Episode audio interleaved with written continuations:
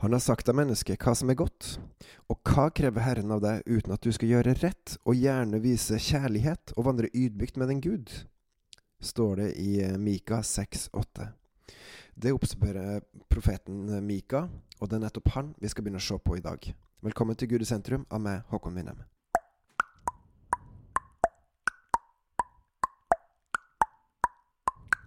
Profeten Mika han levde på 700-tallet for Kristus, og da sånn ca. rundt 750-700, hvor han virka da som profet. Han er født i Sørriket og virka faktisk som en av de få, både i Sørriket og Nordriket. Både Israel da i Nordriket og Juda i Sørriket. Eh, og han levde da under flere forskjellige konger i Sør- og Nordriket. Eh, trolig var han også en, en disippel av Jesaja, i hvert fall kjente til Jesaja, var påvirka av Jesaja, som også levde på den tida. I bokene så tar han opp alt det som er, eh, ikke skjer nødvendigvis politisk eh, og stridsmessig, men mer det religiøse, hvordan folk lever og lever for Gud. Dette var jo i tid hvor Nordrike gikk under etter hvert, midtveis i hans periode, men Sørriket fortsatt, eh, fortsatte og overlevde og varte en god stund til. Eh, og Samtidig så var det jo forskjellige konger på topp som eh, I Nordriket så fulgte de ikke Gud, mens i Sørriket så var det mer mm, av og på om det var konger som levde fulgte Gud eller ikke. I min studiebibel så står det at det er de religiøse etiske spørsmålene som opptar Mika. Han eh, tar fatt på alt usunt og syndig både i Sørriket og Nordriket, men mest i Sørriket. Og da tar han de fattiges parti mot de rike. Han klandrer urettferdigheten i samfunnet. Han eh, snakker om fusk i handelslivet og bestikkelsene i rettsvesenet. Og så forkynner han Guds dom over dommere, prester og profeter, som alle sammen bare tenker på å berike seg sjøl, som tenker på sitt eget beste. Og så sier han også at en spottesang en dag skal synges over dem når Guds rettferdige straff har innhenta dem.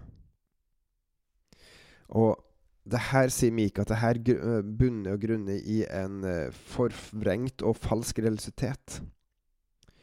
Eh, Juda, Sørriket, følte seg sikker på Guds beskyttelse, fordi det var jo Guds folk og hadde hans tempel i sin midte.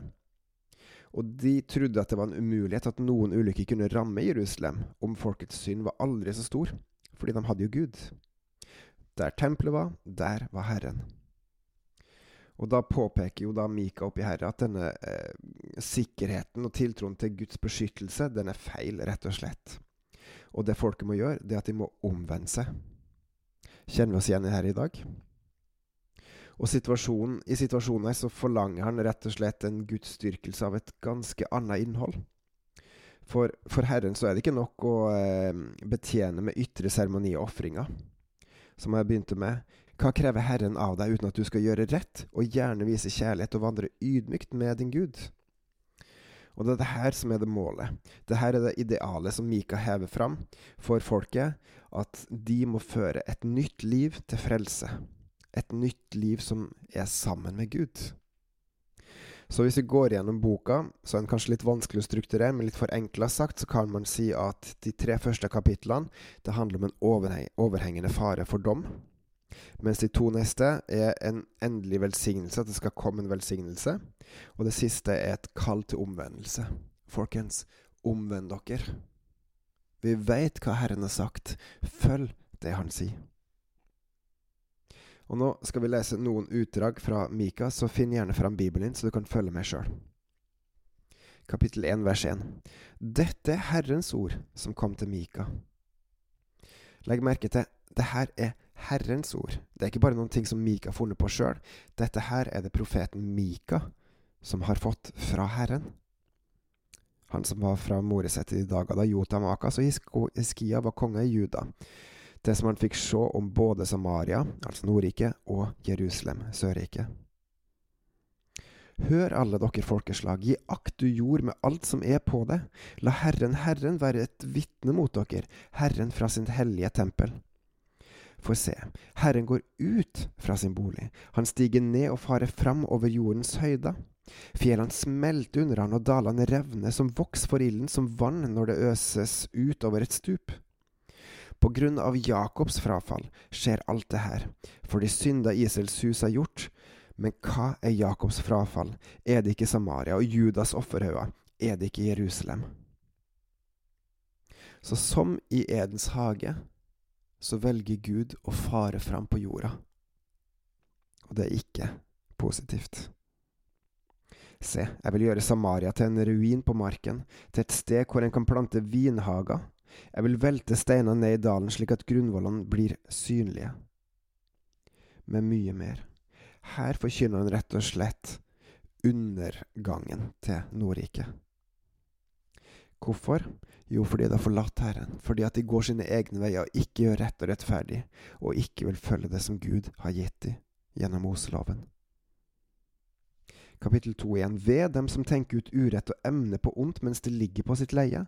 Så snart morgenen gryr, setter de det i verk, fordi det står i deres makt. Vi har makt i dag også til å velge hva vi vil gjøre. Vi har makt til å leve på denne verdensvis, eller makt til å velge å følge Herren. Og hvis vi ønsker å følge Herren, så må vi omvende oss til oss å følge Han. De attrår marka og røver dem, de attrår hus og tar dem, de gjør vold mot mannen og hans hus, mot bonden og hans arvedel. Derfor sier Herren så, se, jeg tenker ut ondt mot denne slekt, ulykker som dere ikke skal kunne ryste av nakken. Dere skal ikke kunne gå med høyreist hode, for det blir en ond tid. Vi må omvende oss, hvis ikke så sender Gud en ulykke over oss. Og da har vi ikke nubbesjans til å stå imot det. Og så går Mika gjennom diverse onde, vonde ting som både folket og profetene gjør mot sine medmennesker, sine brødre. Og samtidig så kommer det også et lite lyspunkt inn her for med alle profeter dom og frelse. 2.12. Jeg vil samle deg, Jakob, samle dere så mange som dere er. Jeg vil samle Israels rest. Jeg vil føre dem sammen som sauer i en kve, som en jord til sitt beite, en larmende hop av mennesker. Veibryteren går foran dem. De bryter gjennom og drar fram gjennom porten og går ut av dem. Deres konge drar fram foran dem, og Herren er i spissen for dem. Jakob Sørrike, Israel Nordrike. Gud kaller til omvendelse og gir et løfte om at han er der hvis de vil følge han. Og da skal de ha en konge som drar foran dem, og Herren er i spissen for dem. Mon tru om dette er snakk om Messias. Det er ikke bare eh, folket og profetene som får gjennomgå, men også lederne. Kapittel 3. Jeg sa, Hør, Jakobs høvdinger og dommere for Israels hus, er det ikke deres sak å vite hva som er rett? Dere hater det gode og elsker det onde. Dere flår huden av dem og kjøttet av beina på dem. Dere eter mitt folks kjøtt og river huden av dem og knuser deres bein og brer dem ut like som i ei gryte og som kjøttet i en panne. Er det rart at Herren vil straffe denne ondskapen? Er det rart at folket faller fra, når deres ledere ikke viser vei, men heller går fram i det onde? Da skal de rope til Herren, men han skal ikke svare dem. Han skal skjule sitt åsyn for dem på den tid for deres onde gjerningers skyld. Og så står det mer om profeter også, på hvilken måte de driver med ondskap. Og i vers 11 hennes høvdinger dømmer for gaver, hennes prester lærer, lærer for betaling, og hennes profeter spår for penger. Og ennå stoler de på Herren og sier, er ikke Herren midt iblant oss? Det kommer ingen ulykke over oss. Hør vi trenger å følge Herren for å få Hans velsignelser. Følger vi ikke Herren, så faller Guds velsignelser bort. Og da blir vi overlatt til oss sjøl og denne verdens hersker, herskere. Vers 12. Men for deres skyld skal Sion pløye som en åker, og Jerusalem skal bli til en ruinhaug, og tempelberget til en skogkledde, til skogkledde åser. Og her kommer også Sørrikets fall inn. Blir profetert om at Sørriket skal gå under. Det vakre, storslåtte tempelet som Salomo bygde, det skal bli lagt i ruiner. Men, som det står i kapittel fire, det skal skje de siste dager. Da skal fjellet der Herrens hus står, være grunnfesta på toppen av fjellene, og høyt heva skal det være over alle høyder, og folkeslag skal strømme opp på det. Folkeslag, ikke Israelsfolket, men folkeslag. Legg merke til dette skiftet i kapittel eh, fire her. Herren lover at det skal komme en ny dag. En ny dag hvor han skal bli tilbedt, og hvor folkeslag skal stige opp og tilbe han. ikke bare ett, men alle folkeslag. Kom, la oss gå opp til Herrens berg og til Jakobs Guds hus, så han kan lære oss sine veier og vi ferdes på hans stier. For fra Sion skal lov utgå Herrens ord fra Jerusalem. Han skal dømme mellom mange folkeslag og skifte rett for veldige hedningefolk helt til det fjerneste land. De skal smi sine sverd om til hakka sine spyd til vingårdskniver. Folk skal ikke lenger løfte sverd mot hverandre og ikke mer lære å føre krig. Men de skal sitte under hvert sitt vintre og sitt fikentre, og ingen skal skremme dem. For Herren herskernes Gud, Guds munn, har talt. Vers 6. På den dag, sier Herren, vil jeg samle de haltende og sanke sammen de bortdrevne og dem jeg har fara ille med. Jeg vil la de haltende bli i live som en rest og gjøre de bortdrevne til et mektig folk, og Herren skal være konge over dem på Sions berg fra nå og til evig tid. Du jordens tårn, du Sions datters haug, til deg skal det nå, ja, det skal komme det forrige herredømme, kongedømme over Jerusalems datter. Gud er nådig Gud. Vi har valget mellom dom og frelse, og dommen vil komme over alle folk som lever slik de vil. Men de som tar imot, Guds, tar imot Guds nåde, de som vender seg om, de som velger å følge Han, de vil få Guds velsignelse. Det Er ikke fantastisk hvor god Gud er? Urettferdigheten, ondskapen, fortjener jo straff. Vi har jo fengsel i Norge også for å straffe de som er onde. På samme måte straffer Gud det onde og de onde. Enten i dag eller ved dommens dag og samtidig hver og en som omvender seg av et helt hjerte og sier til Gud, jeg vil følge deg, tilgi meg min synd, lær meg opp i ditt ord. Takk, Jesus, for nåden, for frelsen. Hellige Ånd, kom og bo i meg, virke i meg, hjelp meg til å leve sånn som du sier at vi skal leve. Virk i meg. Jeg gir deg fullt spillerom. Alle vi som gjør det, skal få lov til å få frelse. Vi skal få lov til å komme inn i Guds godhet, inn i Guds rike. Halleluja, pris Herren. Det står også om et lite midlertidig fangenskap i kapittel fire, men la oss hoppe til kapittel fem. For der står det, Men du, Betlehem, Efrata, som er liten å være blant Judas tusener, fra deg skal det utgå for meg en som skal være hersker over Israel. Hans utgang er fra gammel tid, fra evighetsdager. Så her skal det komme en hersker som er verdt fra alltid. Derfor skal han overgi dem inntil den tid da hun skal føde. Hun som skal føde, har født. De som blir igjen av hans brødre, skal vende tilbake sammen med Israels barn. Han skal stå og vokte sin jord i Herrens kraft, i Herren sin Guds navns høyhet. De skal sitte i ro, for nå skal han være stor, like til jordens ende. Han skal være fred. Når Assur kommer inn i vårt land, og når han trer inn i våre palasser, så reiser vi mot ham sju hyrder, ja, åtte fyrster. De skal herje Assurs land med sverd og Nimrods land i dets porter, og han skal frelse fra Assur når han kommer i vårt land, og når han trer inn over våre grenser.